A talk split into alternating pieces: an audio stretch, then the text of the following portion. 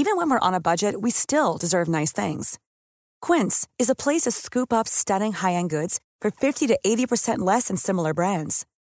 They have buttery soft cashmere sweaters starting at $50, luxurious Italian leather bags, and so much more. Plus, Quince only works with factories that use safe, ethical, and responsible manufacturing. Get the high-end goods you'll love without the high price tag with Quince. Go to quince.com/style for free shipping and 365-day returns. Flexibility is great. That's why there's yoga. Flexibility for your insurance coverage is great too. That's why there's United Healthcare Insurance Plans. Underwritten by Golden Rule Insurance Company, United Healthcare Insurance Plans offer flexible, budget friendly coverage for medical, vision, dental, and more. One of these plans may be right for you if you're, say, between jobs, coming off your parents' plan, turning a side hustle into a full hustle, or even missed open enrollment. Want more flexibility? Find out more about United Healthcare Insurance Plans at uh1.com.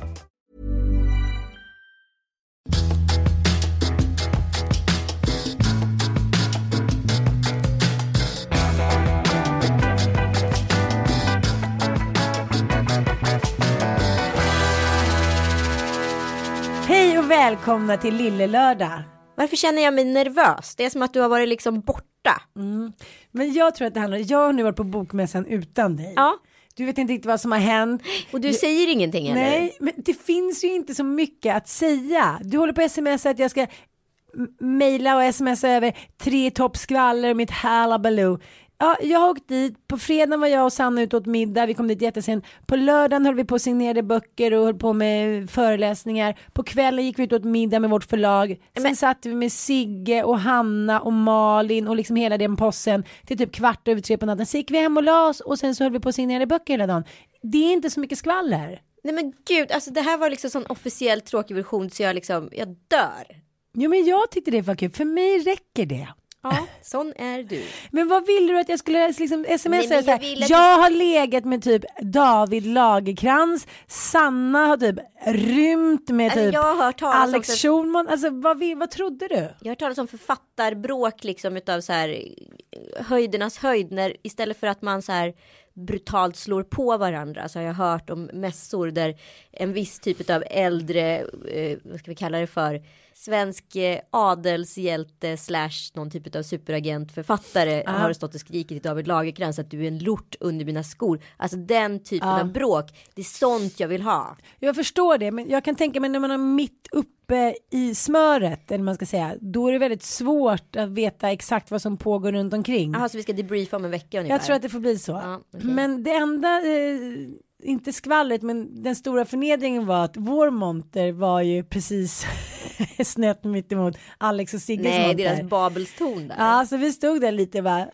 kom och köp typ, ja men signerade liksom. Ja, det var, det var ju stridström. Så bara, men gud, vad är det där? Typ 100 meter lång kö till Sigge, Sigge och Alex som Såklart. upphöljda hjältar. Så det var inte så mycket skvaller. Jo, lite skvaller kanske. Jag eh, käkade middag mm, med vårt förlag då och då eh, satt jag bredvid ett medium. Ja, berätta. Benny. Benny som jobbat med Gynning också. Ja, Ja. ja. Benny. Benny ja, Ja. Rosenqvist eller vad han heter. Rosenqvist, ja. Och då tänkte jag lite på dig och så tänker man så här. Man blir alltid lite misstänksam. Är detta en charlatan? Ja. Men jag tänkte på det som är Stille. Mm. Ja, som Penny, hon, hon anklagade då eller skyllde på Stille att han hade målat på väggen. Ja. Men sen gjorde hon det en gång till. Ja.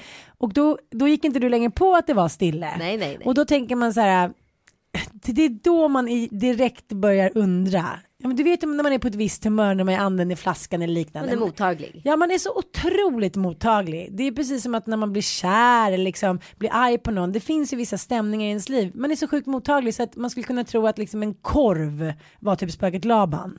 Och det, det är det där som är det svåra. Men då berättade han att han, jag blir alltid rädd att han ska se, att, att medium ska se att jag ska dö. Jaha. Du vet, att titta på honom så bara. Om en vecka kommer du ligga i en vit kista. Tror Så jag jag skulle vill... säga det till dig då? Nej, men du vet. Ja, ja. Det har ju hänt. Ja. Säkert. Då, då frågade jag det direkt så här. Ja, men jag ska inte dö och sånt där. Ja, sånt säger jag inte personer jag inte känner. Men min bästa kompis såg jag att hon skulle dö. Ja, då hade han så varit hemma på middag hos sin bästa tjejkompis. Och så när hon öppnar dörren så bara ser han henne ligga i en vit kista. Nej. Jo. Två dagar senare ringer hon. Då har hon fått blodcancer. Har liksom så här två månader kvar att leva. Sen levde hon i ett och ett halvt år till på ren vilja. Men, men sam, två dagar innan hon fick det beskedet. Men gud vad obehagligt. Mm. Men man kan väl också sitta och så här spekulera och vara efterklok på sådana grejer eller? Jo absolut, men, men han säger det, jag, jag kan ju se sånt, men då på nära och kära, Ja, men det kan jag ju inte säga till folk liksom. Ja, och då kände jag, vad jobbigt att vara tillsammans med sån person, för han berättade att hans två senaste män har varit otrogna mot honom. Ja. Och han har båda gångerna vetat om det. Förlåt. Ja, men alltså, vad synsk med det. Förlåt Nej, mig inte så här nej. fördoms-Anita men det är inte många gay men väldigt promiskuösa. Jo men, jag, men så här Det är det. väl inte synd medge för. Jag tänker berätta någonting och du skrittskrattar.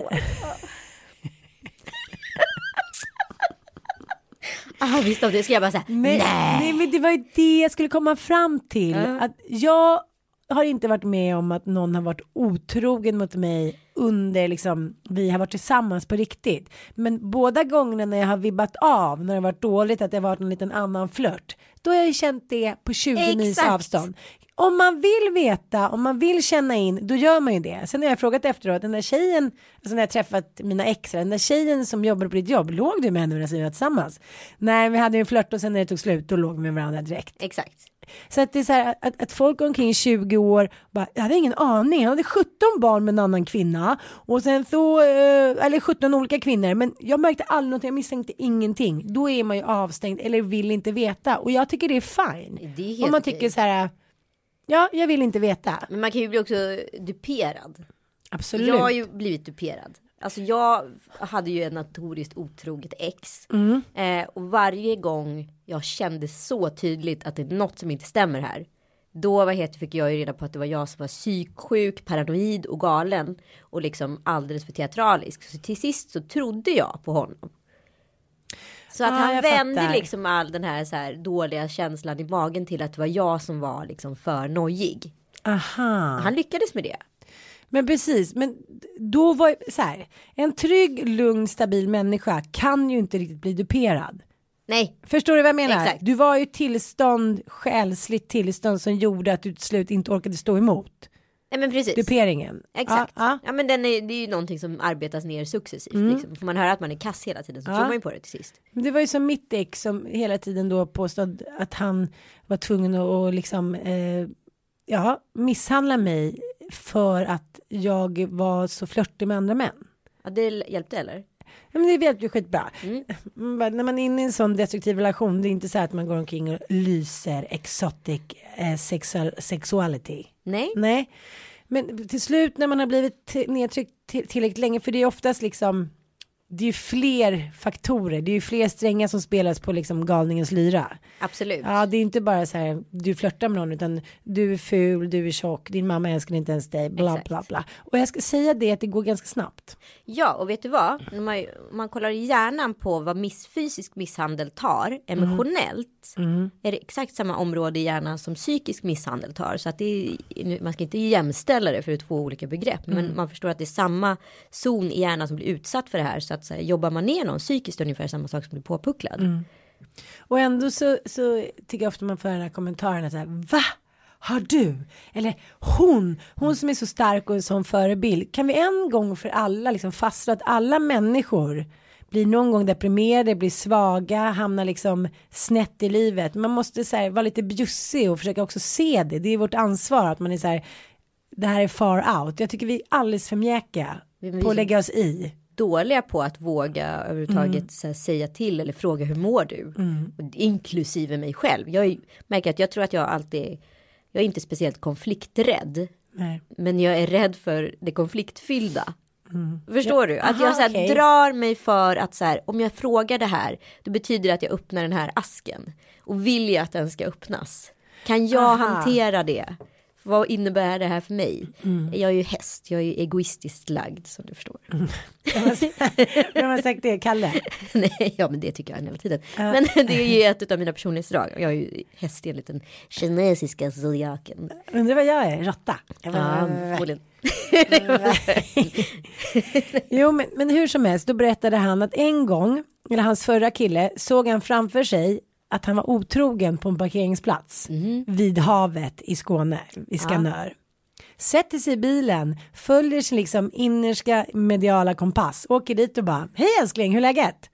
Jo, han blir så chockad. Och en annan gång så gick hans eh, dåvarande kille iväg från en fest och säger, jag går hem, jag är lite trött. Men då gick han iväg med sin skönlockige yngling till blondin och skulle så här rajtan tajtan oklart var men på någon toa eller hemma hos honom. Och då ringde Benny och sa så här jag ser att du är otrogen med en blond kille med lockigt hår och det är inte bra för vårt förhållande. Skulle- Sansat. Ja men skulle man jävligt sansat. Jävligt sansat skulle jag. Själv bara, är det någon som har typ ett mordvapen alternativ typ en stor sten bara? Ja. Inte Benny. Nej inte Benny, Inte han Benny. pratar om det Han är sansad. Han vet också vad som, han pratar också om det som ska hända i Futura. Alltså, så det är inte bra för relation. Han är redan där. Därför kommer du att dö. Jag säger i vit kista.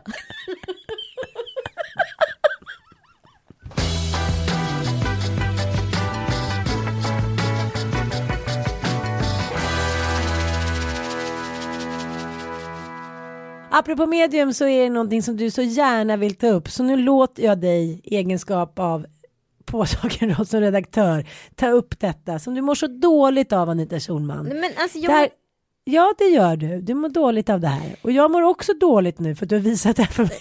ja det är lite så, eller hur? Men jag kan tänka mig så här att vissa, jag har tagit på mig ganska många jobb kan jag säga genom historien som jag varit så här. Det här har jag lite täckning för, men jag tycker att det verkar vara ganska kul. Så let's try it. Vi får se hur länge så här jag kan fejka det här tills det någon kommer på mig. Förstår du vad jag menar? I unga år så tar man på sig en lite för stor arbetskostym och så kanske man inte riktigt levererar. Ja, och så det ena med det tredje sker och så blir det inte mycket mer med det. Ingen fara skedd. Det här har inte varit inför publik. Men Regina Lund, hon har alltså varit medium precis i Det Okända. Jag vet inte om ni har sett det här eh, programmet. Jag vet inte hur mycket det går igenom eh, det man såg visuellt. Man kanske faktiskt måste titta på programmet eh, på play efteråt. Men jag kan säga att det här var en av de mest plågsamma tv-upplevelser jag varit med om i mitt vuxna liv. Jag skulle eh, direkt vilja gå till det där trädet där borta. Får jag det? Ja, ja visst. Jag får upp cancer, men eh, de vill inte visa mig just nu var. Eh, det, det var en olyckshändelse också.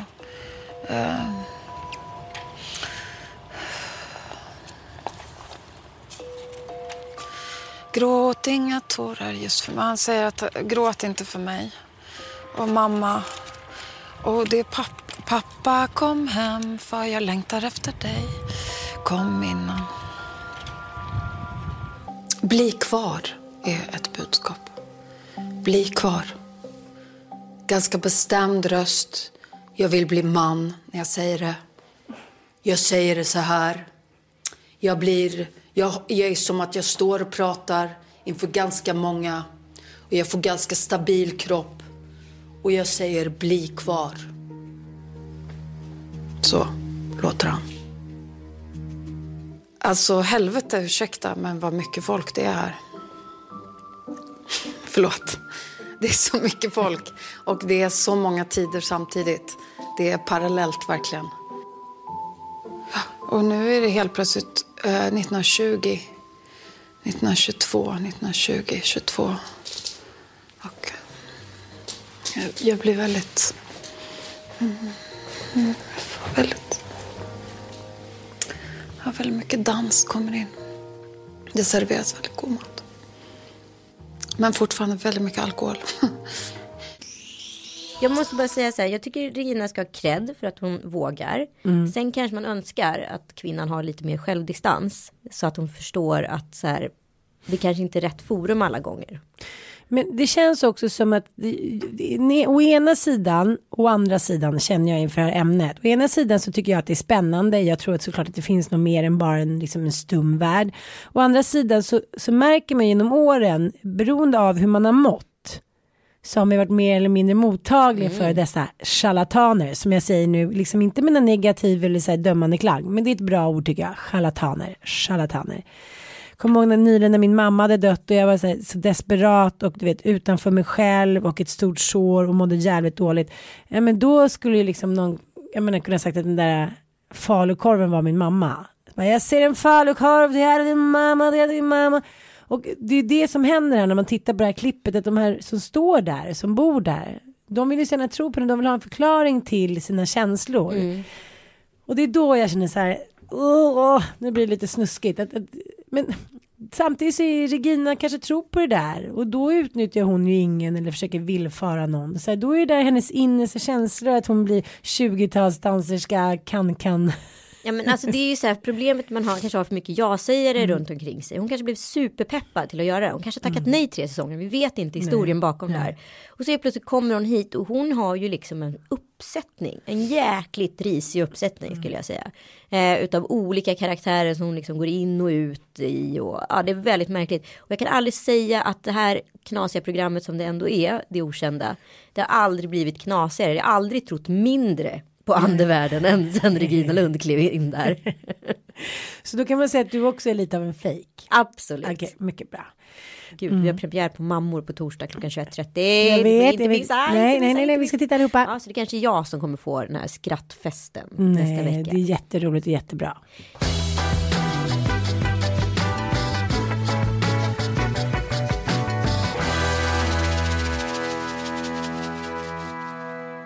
Men då vill jag gå vidare lite faktiskt på äh, ämnet mens. Oh, Mm. Nej men du hade ju lagt ut på din Insta häromdagen. mm. Clara Henry. Ja, Clara Henry. Berätta lite. Nej, men jag tycker att hon är så cool. Till Mm. att börja med så när jag var 12 år så åkte jag upp till mina gudföräldrar som bodde uppe i Dalarna. Och då hade jag fått mens några veckor innan som var en sån här puttemens. Eh, och jag tyckte att det var asjobbigt hela grejen. Och jag var ganska så här idrottig. Jag har alltid tävlat mycket liksom, friidrott och grejer. Och då är det liksom bröst och mens det är typ det sista man vill ha att göra med. För att det är verkligen i vägen ur en prestationssynpunkt. Eh, och kommer upp till Dalarna och vad som händer är att liksom då kommer den här störtskuren. Den här men, första mensen som är som ett syndaflod. Och bindorna på den här tiden, det är svårt att förklara för unga flickor idag. Var ju liksom, alltså de var så Tänk er en stora vanlig och så kudde från tjocka. Ikea så stoppar man in den mellan benen och går iväg. Ja men mer Tänk tänk gå naturligt också. Ja precis, tänk Som då modell. blöja och så ska du ha det ett par tajta 501 och så ska det liksom inte synas att du har någonting i brallan för att du har den liksom det tajtas till där extra vid troskanten. Det är inte vackert. Nej och alternativet när man då var oskuld var liksom minikini-tamponger men de kändes ju som en elefantsnabel så man gick ju typ som Seb bara- Exakt. Antingen Ja, julbent eller kobent. Ja, men så jag var det minns bara. det så väl. Ja. Jag fick en minitampong av min syrra, skulle kolla på min kille som spelade hockey och skulle gå upp för en sån här snöhög. Jag kunde liksom inte ta mig upp, det var så här, liksom, jag var ju tre, hade ju tre ben, jag fick ju gå som en sån här stel pinne. Jag tänkte så här, hur ska det ens vara möjligt att någonting annat, förutom en minitampong som känns som en snabel, ska komma in där? Exakt. Det gick. Det gick, det löste sig. Ja, men vadå, det tog ju ett tag innan Ja, ja, man ja. tyckte att det var... Men det var inte det vi skulle prata om. Nej. Nej, berätta nu. Jag vet att du har en liten skämskudde på gång här. Ja men apropå män så tycker jag ju eh, absolut att det är väldigt naturligt men det är ju ändå inte för gemene man och då Nej. måste man ändå säga så här 50% av världens befolkning har inte mens och eh, ja tycker då inte riktigt att det är naturligt och det kanske man också kan ha en viss förståelse för. Ja men och jag var i alla fall, jag vet inte hur alla är väl olika, alla rela, olika relationer till sina föräldrar och nära, jag är ju ensambarn liksom, jag har inga äldre syskon, ingen att snacka med på det sättet och mina föräldrar var ju jättemycket äldre än vad jag är. Eh, så att det var inte superbekvämt att prata om det här med mig, för mig. Och så till sist hittade någon så här stora syrras, liksom en kompis stora syrra som kunde så här förbarma sig lite och sätta ord på det där som jag inte kunde formulera själv. Och det var väldigt skönt. Men nu tycker jag att liksom alla tjejer har en liten stora syrra i Clara Henry här som har släppt den här mensboken. Jag min syrra och min mamma hade alltid synkroniserad mens. Ah. Hela tiden. Har du mens? Har du mens? Till slut frågade man inte ens. Det bara Och det är luktade mens. Ja, det är ganska vanligt på arbetsplatser också. ju. Men eh, jag har två skämskuddar kommer jag på nu. Oj då. Nej men dels så är det så här, ibland har man ju inte total koll, särskilt inte som mitt liv ser ut just nu. Det är verkligen så här, från morgon till kväll är det på något sätt bystat med innehåll. Eh, och då, men då hade jag mens förra veckan och sen så hade det väl kommit, ja. Jag hade trosskydd som jag trodde att jag hade slängt i papperskorgen men det hade liksom halkat ur. Då säger Mattias så här till mig, så här, har du mens eller? Jag bara, ja, alltså så här, det är väl ingen biggie. Det jag sa är att jag hade fått mens. Men då måste jag också berätta hur min relation med Mattias började. Mm. Den började med att vi blev ju väldigt fysiskt attraherade av varandra. Ja. Alltså på ett extremt sätt. Det var så här electrifying. Och liksom, han var inte så himla mycket min typ faktiskt. Alltså, Nej, han ser inte ut som dina ex. nej absolut inte. Nej. Nej. Eh, han är ju mer liksom tvålfager. Verkligen. Ja, än mina ex. Men det, jag kände bara så här. Det finns en eh, Wrangel eller vad hon heter. Hon har skrivit så här. Om inte någon nyper mig i rumpan snart så skriker jag. och så var det verkligen när han stod bakom mig. Om inte typ han stoppar in handen innanför min typ klänning. Då skriker jag. Och då gjorde han precis det. Så då behövde jag inte skrika. Mm, hur som helst, vi är nyligen tillsammans, det är lite hipsen och hapsen, vi är väldigt, väldigt förälskade. Jag kommer hem och har varit och spelat in Fångarna på fortet och mina barn är hemma. Och jag är liksom, nej men jag måste bara se den här mannen. Mm. Jag var också då väldigt vältränad och väldigt snabb.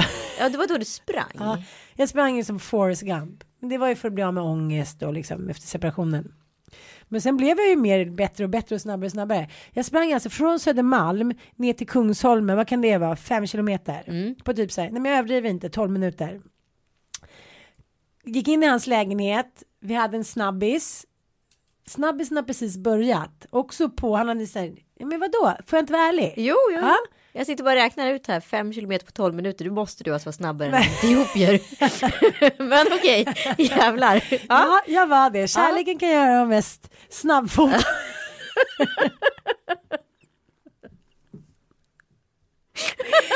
ja, jag märker Okej, förlåt, inte förlåt, förlåt. ord. Tillbaka. Jag sprang som en jävla iller. Okej, Gasellen. Sandlund. Gesellen. Ja, kom ner dit och så in och så som det var då. Att det var liksom ingen, det var ingen så här språngbräda in till sexet direkt. Det var bara så här, ah! Och så hade han en sån här köksbänk. Ja, men du vet, vad Ja. heter det? Köksö. Ja. Mm. ja, upp på den då. Och sen så bara kommer stanken. Nej men sluta. Fisk de la cour. Så simmar genom luften. Och då menar jag inte så här. Då menar jag inte lite sill. Utan då menar jag så hela jävla surströmmingsfabriken. Alltså vi, håller, vi får båda kvällningar. Slutar jag så här. Okej. eh, vad kan- vi kan sluta nu liksom. Han bara. Ingen fara typ. Jag bara. Jag måste springa tillbaka till barnen nu. Sprang typ ännu fortare. på tre minuter hem. Vi hade precis träffats. Det var liksom verkligen ångest. Så var det. Sen ringde han och bara hej hej eh, jag tänkte bara säga en grej att mitt ex eh, påminde lite om en gång när mitt ex och jag låg och då luktade det sådär och då hade hon glömt tampongen inne. Jag bara nej, nej det är det inte liksom för det var ju många dagar sedan min mens var slut. nej men jag pillar på och känner efter och så nej det är ingenting. För nu är skammen så stor att mina barn börjar undra så här vad är katten eftersom du har köpt så mycket fisk hem. Försökte kamouflera det. Bara, vi har inte beställt lax till middag. Nej men så här, det är så outhärdligt. Och jag, liksom, jag, jag förstår inte vad det är. Så jag, ska gå, jag ringer till läkaren då. Men då ska jag på min tjejboksklubbs helg. Med Karin Petzelius och allihopa. Och kommer ut dit och sitter i båten. Med massa människor. Och folk är så här, gud vad det stinker. jag får i mig ett halvglas vin och bara. Ni måste hjälpa mig så här. Det är någonting som är fel. Liksom jag, liksom jag luktar så illa. Ja, då har alla börjat så här, hålla på sina hemkokade teorier. Ja, men du har svamp du, och jag ska sitta med så här, ångande handdukar och hinkar. Och, men alla tror att jag har svamp. Jaha. Så slutar det så här. Jag måste gå in i duschen. Och så här. Verkligen, verkligen försöka. Och då är det ju en tampong som jag har glömt. Long time från ago. Helvetet. Mm, från krita typ. Nej, men man kan säga att det plockades ut en fossil. Vi var tvungna att sanera så hårt i badrummet. Det- Det här är ju så pinsamt att jag berättar det här. jag fick ta en svart sjukt. sopsäck och typ åka till andra sidan ön och så sänka med en sten. Det var helt otroligt. Jag kunde ha dött och då tänkte jag på myter. Tampongsjukan, man är i en tampong för länge och dör. Är det en myt? Ingen aning. Nej. Ja, det var i alla fall oerhört pinsamt och då ringde jag till Mattias och sa att han hade haft rätt. Men vad gulligt av honom att lägga upp det så. Ja, men du måste förstå mig att även fast jag är en kvinna med mina bästa år och inte var 15 år så var det här Ja, men det så blir pinsamt. Ja. Och jag tror det mycket sitter kvar i varför vi blir fnissiga. Det blir inte unga tjejer utav sånt här. Mm. Nej. Mm. För de är så här, de är verkligen så här, jag har mens, vadå då? Alltså det är ju en helt annan, alltså grej runt det här. De tar det på ett helt annat sätt, det är som mest naturliga på jorden. Och för mig har det aldrig varit det mest naturliga på jorden. Och jag är så jävla glad att det finns brudar som Clara Henry som blir liksom en stora syrra till alla de här unga tjejerna som jag hade behövt 1991 när min mens kom liksom. Men jag kan också känna så här att det finns någon, det finns något så här farligt i att du och jag från vår liksom generation alltid benämner det som att unga tjejer är så jävla coola med allting. Jag tror att det kan bli en backlash i det att vi har så här, sp- måste till slut börja spela att de är så coola med allt för att vi omgivningen så här, ställer det kravet att nu, liksom, nu är det 2015, så här, ni har hela världen ligger öppen för det är liksom internet, det är det, det, det, det, det. Ni behöver inte skämmas för någonting längre, ni behöver inte, allting är bara fine. Förstår du lite jag menar? Absolut. För jag tänkte på Jag fel. Nej jag skojar. Nej men alltså jag, jag förstår vad du menar Ja. men alla är ju inte Clara Henry. Nej, alla är ju inte Sara. Larsson. Nej men det är det jag Det menar. finns att det fortfarande finns, Anita Schulman och liksom ja men det finns någon i deras generation som berättar något för dem som ändå är i samma ålder. Mm. Alltså det finns den där rösten som kanske sätter ord på det man själv inte kunde uttrycka. Och det betyder inte att det bara är en massa Sara Larsson som går omkring där. absolut inte. Men jag tänkte på det när vi var på Hanna och Amandas eh, födelsedagsfest förra lördagen. Ja, Och jag är besatt av Sara Larsson. Ja. Och vill ju då att hon ska vara besatt av mig. Ja. Och tycker att vi har någonting. Fast det har vi ju såklart inte. Nej men det har vi ju inte. Eller vad då? Vi gillar ju varandra och säger hej och så står och hänger lite. ja. Men så lyssnade jag på hennes podd häromdagen. Och hon bara, ah, det är skitkul liksom. Du vet hur hon pratar. Hon är 16. Ja, ja, så så här, ja, och då tror man när man är på den här festen att man är 19. Och hon är lite yngre, typ som en syrra. Men det är inte så. För Nej, jag nej, kommer nej. ihåg när man själv var 16 och gick vid första ring. Och var Skibam åkte iväg och det var några som var 29-30 som hängde med. Det var alltid några sådana som inte ville växa upp. Och man var så här, men gud, det är liksom, det är Loppan. Hon fyller 30. För Ja. oss var det liksom, det är ungefär som att säga så här, hon fyller 100. Jo men hon hade levt en helt liv. Hon var liksom så här chef, hon hade ett företag. Det var som att ha med sig morsan på Skibams. Fast vi tyckte att hon var cool och beundrade för hon var ju skitgrym på liksom skidor och hade pengar. Hon var och snyggare än morsan också. hon var snäll, absolut. Ja, hur som helst så säger hon i sin podd då, ja jävligt kul liksom på den här festen och så här, men så jävla mycket russin. Russin. det var vi. Och jag, det var vi. Och, för, och jag var så här. Sen bara, vad fan, min första reaktion var så här, då vi ser råfräscha ut även fast vi är 40 liksom. Eh, jag ville försvara mig. Men så bara så här, gå in i din egen känsla när du själv var 16. Och då var liksom de människorna 30. De flesta som var på Ganska den här festen var ju bladiga. mellan så här 38 och 50. Jag menar Felix, han är väl, Han blir 50 ja, snart. han blir 50. Alltså så här, han var jävligt, bara jävligt mycket russin. Russin. Det är ju så. Jo jag vet men det är så här, vi, vi tror ju eftersom vi lever ett liv där vi både kan ha barn och fortsätta att leva liksom ett ungdomsliv. Ja, men problemet är ju också att det finns ju människor som Kim Kardashian som är 34 36 år eller vad hon nu är. Mm. Eh, och, ser ut som så här 15 och agerar som att hon är 15. Och vi, det legitimerar ju saker och ting Mm. för oss i den här åldern att vara så här. Ja men jag kan visa mig bikini på bild. Inga Mm. konstigheter. För det gör Kim med allt. Liksom. Men jag pratade med, med Josefin Crafoord om det där att, att hennes son hade tyckt att hon var pinsam under en period. Så här, hon var för poppig liksom. Ja. Hon levde livet som att hon var 18. Träffade någon kille i New York, du vet ute på helgerna och så här DJar. Har så här korta små liksom linnen, har en, så här, har en kropp som en 19-åring och så spelar på det. Ja hon embrace. Ja precis och liksom han var så här 18 ungefär, han fixade inte det. Nej. Och jag förstår det. Man, liksom, man, har, man vill ju leva kvar i det där och vara ung så länge som möjligt. Men liksom bara för att vi tycker att vi är heta tycker liksom inte Sara Larsson och våra barn det. Nej såklart inte. Russin. Ska man trycka upp en t-shirt? Ja, Du märker att jag är försmådd. Jag märker det. Jag är, jag är också ett russin men jag tycker det är okej.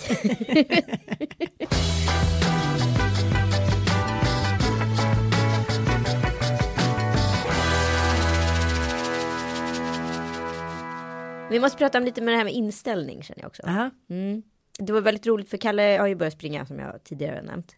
podden. Så han är väldigt duktig. Han kämpar på. Ja, men nu är han uppe på så här 8,5 kilometer utan stopp och han springer på under timmen. Ja, men han är duktig liksom. All heder åt honom. Men jag är ju en sån här människa som är, jag gillar ju utmaningar. Ja, jag med. Ja. Morots, morotslivet. Morotslivet Ja. som vi ska prata om Ja. alldeles strax. Eh, han kommer hem från en löprunda. Jag säger till honom. Kom igen nu, 10 armhävningar, 10 situps. Han bara, du är så jävla dum i huvudet och dundrar in på toa. Va? Och jag fattar absolut ingenting. Och sen så börjar jag skratta. För jag fattar att han, det här med träning är så bräckligt för honom. Och så här, det är känsligt eftersom han inte identifierar sig som En tränande, en tränande människa. människa. Så han blir ju liksom kränkt. Aha, wow! Och nu är ju det här världens mest lättkränkta familj. Alltså Ja, Alex är ju ja. fruktansvärt lättkränkt och Kalle med. Så att så här, ingen är ju förvånad att det är exakt den reaktion man skulle få efter man har fått den. Jag däremot, hade, om någon hade sagt så här till mig när jag hade kommit hem från en löprunda. 10 situps, 10 armhävningar. Jag hade ju bara kastat mig ner och ta, antagit utmaningen och gjort det. Ja. Eller också så här, "Nej, men jag pallar inte ner nu älskling. Sen försöker jag då lite snällt förklara det för honom på exakt det här sättet. Och han blir ännu argare. så det tar inte slut där. Så jag bara så här, jag fattar inte vad jag ska göra. Förstår du vad jag menar? Ja men jag förstår vad du menar men, men vadå, han kan inte han kan inte bara ta att du skulle vara lite så här gullig. Kom igen älskling, nu kör vi och vara peppande. Han tyckte mer att så här, som att det inte är nog nu. Har jag inte varit tillräckligt bra, nu ska hon så här piska upp mig och så här förnedra mig med att jag inte är tillräckligt bra. Det var hans inställning till det Okej hela. okej. Ja, jag kan ju förstå det, men jag kan tycka att det är ganska korkat. Ja men jag, ju, jag och min man har ju helt slutat träna. Vi vet inte hur det där känns längre. Nej, Men, eh, men du kan ju också, så jag kommer ihåg min bästa kompis i trean, hon sprang alltid lopp, hon hade så här långa älgben. Och jag var ju så här den påhejande kompisen som alltid skulle överdriva allting liksom. Och bara heja Anette, heja Anette. Och du- hon bara håll käften. Du vet jag sprang efter henne så här, skulle vara en liten kanin typ. men vadå var inte du före med tanke på att det tar 12 minuter på 5 kilometer? Nej men det här var tidigare. Okej. Liksom det här var innan, det här var typ fyran. Men då är hon så fokuserad och har liksom, pump, liksom hon har tagit ut sig så hårt. Så att sen när någon kommer och ska vara lite välpeppande då bara så här, hon snappar orkar inte mer. Och det är väl liksom det som hände. Ah, det var det som hände. Precis. För han kom hem och sa att han kunde springa milen nu. Ja. Så tänkte jag ju liksom, då är det väl bara ner och köra. Bara peppa på. Mm, då så. Då var jag du. Ja. Så nu har du en förklaring. Nu är jag förklaring bra. Men nu är ni väl sams? Nu är vi sams. Mm, bra, Ni får inte bråka. Nej, det ska vi inte. Mm.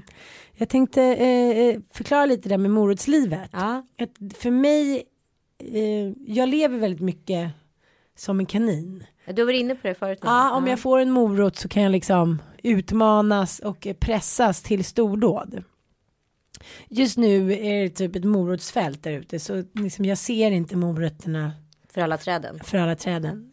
Jag känner mig rätt slut alltså. Ja, du ser slut ut. Du måste Ja. börja ta hand om dig själv. Alltså. Ja, det är liksom så jäkla mycket hela tiden. Mm. Och problemet är, eftersom man har fyra barn och liksom ett liv och en frilansande tillvaro och har liksom, ja men är ganska så här, har ganska mycket erbjudanden och jobb just nu och det är ganska, en del är ganska tunga grejer. En hel del med barnen, alla har liksom sina behov. Så ligger jag hela tiden 55 steg efter, alltså känner jag just nu.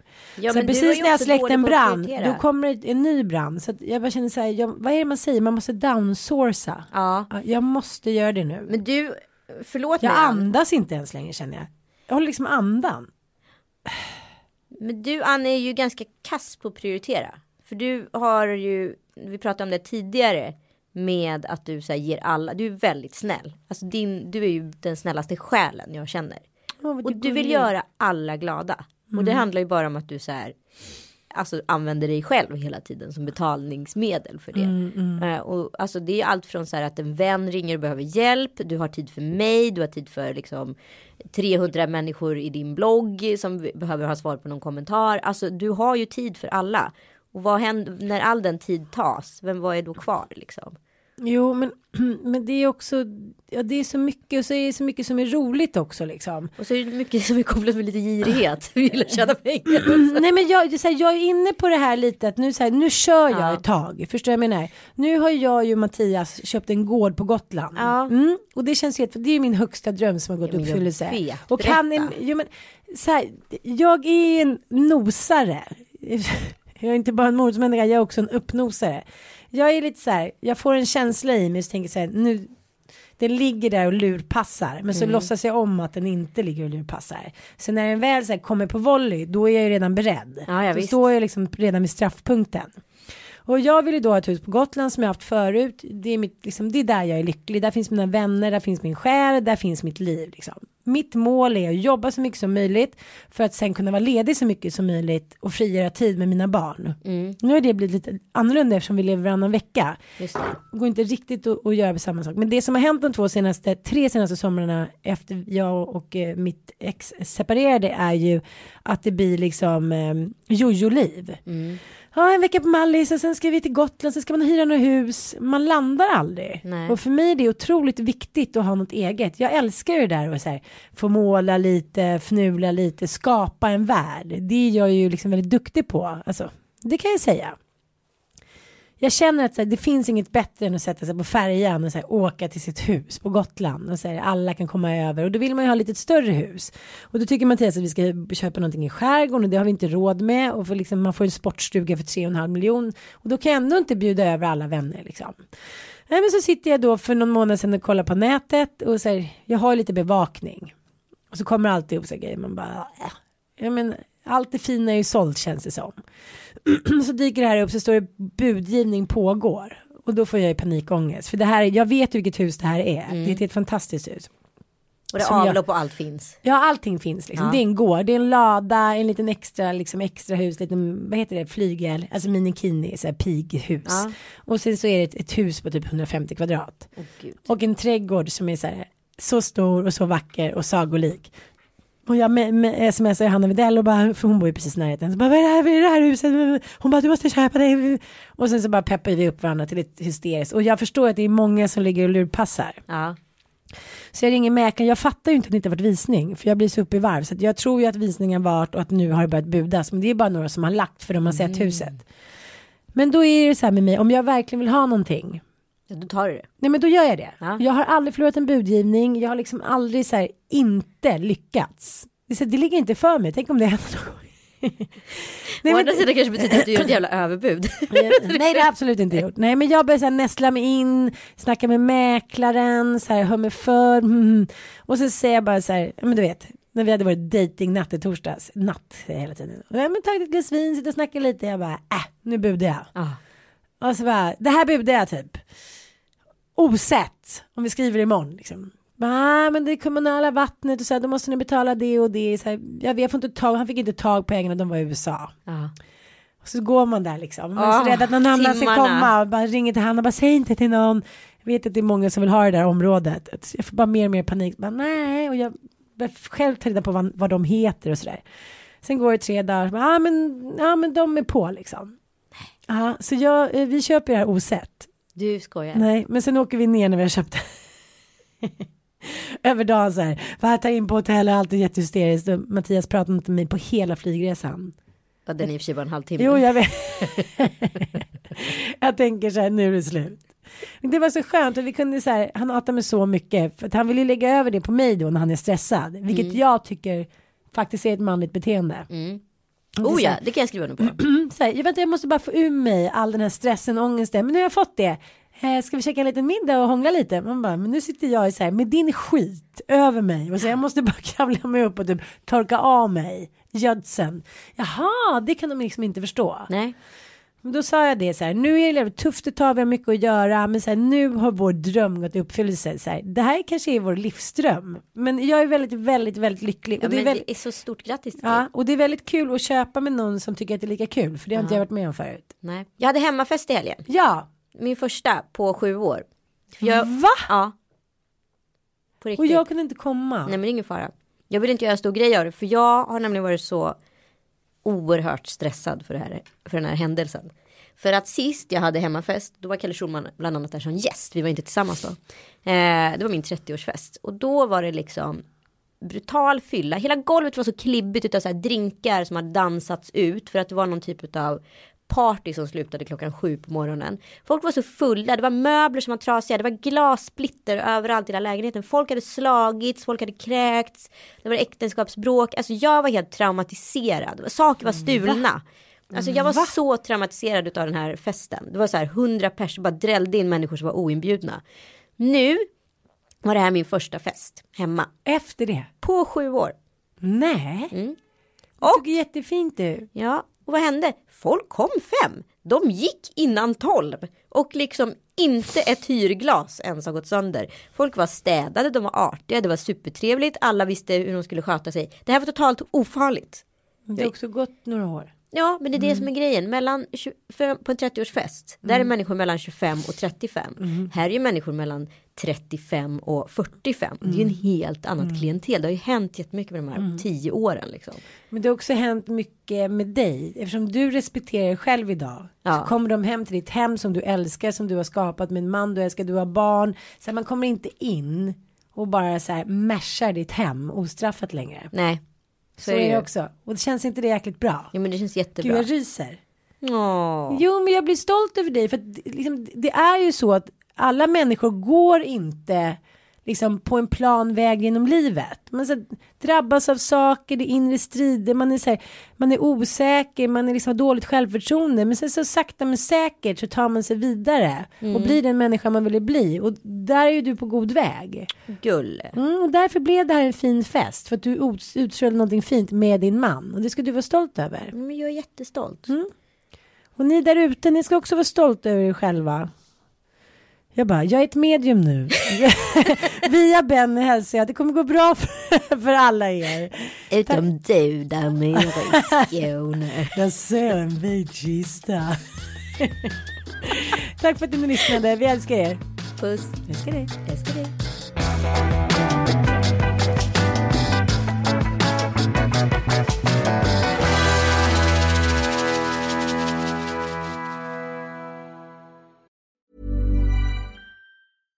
Hey, it's Paige DeSorbo from Giggly Squad. High quality fashion without the price tag. Say hello to Quince. I'm snagging high-end essentials like cozy cashmere sweaters, sleek leather jackets, fine jewelry, and so much more. With Quince being 50 to 80% less than similar brands. And they partner with factories that prioritize safe, ethical, and responsible manufacturing. I love that. Luxury quality within reach. Go to quince.com slash style to get free shipping and 365 day returns on your next order. Quince.com slash style. Imagine the softest sheets you've ever felt. Now imagine them getting even softer over time. That's what you'll feel with Bowl and Branch's organic cotton sheets. In a recent customer survey, 96% replied that Bowl and Branch sheets get softer with every wash. Start getting your best night's sleep in these sheets that get softer and softer for years to come. Try their sheets with a 30-night guarantee. Plus, get 15% off your first order at bowlandbranch.com. Code BUTTERY. Exclusions apply. See site for details.